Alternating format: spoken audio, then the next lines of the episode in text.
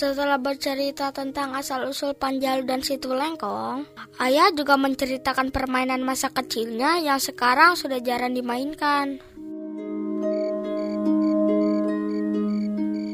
Dulu, ketika masih kecil ya, ketika masih SD dan SMP, kami anak-anak kampung menghabiskan waktu setelah sekolah itu dengan berbagai macam permainan. Permainannya sama nggak dengan anak-anak sekarang ya? Ya, ada yang sama, ada yang tidak. Ayah masih melihat Raka suka membeli gambar atau kelereng. Tetapi jarang dimainkan. Hanya dikoleksi saja kan? Cara mengkoleksinya ya dengan terus membeli. Gampang kalau sekarang.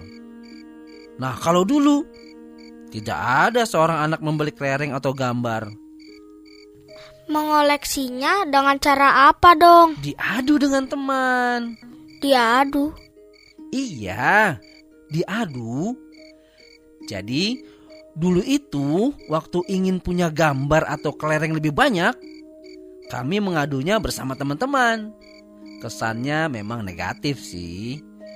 Namun pada masa itu yang penting menyenangkan dan penuh tantangan.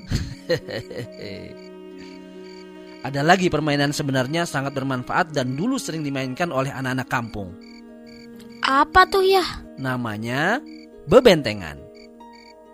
Dalam permainan ini ada dua kelompok anak yang bermain dengan cara mempertahankan sebuah benteng.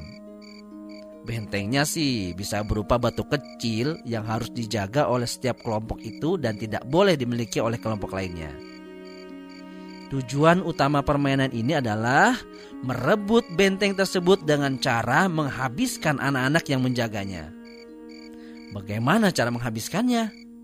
Ya, dengan menyentuh anggota kelompok yang menjadi lawannya. Lama-kelamaan akan habis tuh anggota kelompok dan pada akhirnya akan menyisakan satu orang yang bertugas menjaga benteng. Satu orang itu nantinya akan dikeroyok sampai kemudian kelompok pengeroyok itu berhasil menyentuh benteng.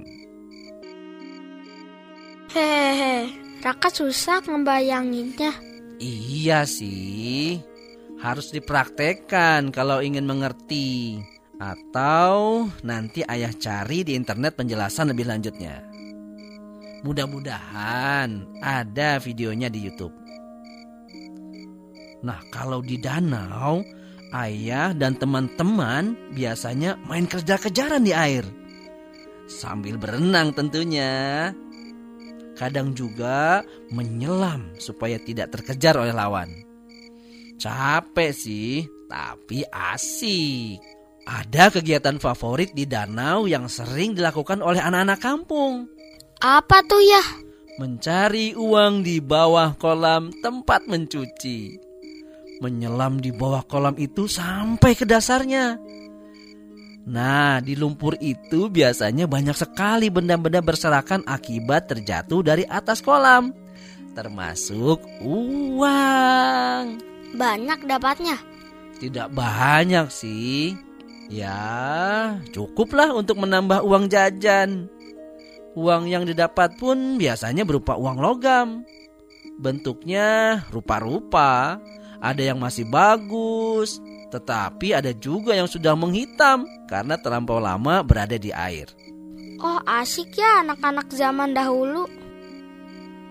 Hmm, sudah malam. Ayo tidur. Besok kita lanjut lagi ceritanya. Oke deh ayah, selamat tidur. Cerita nasihat dan budi pekerti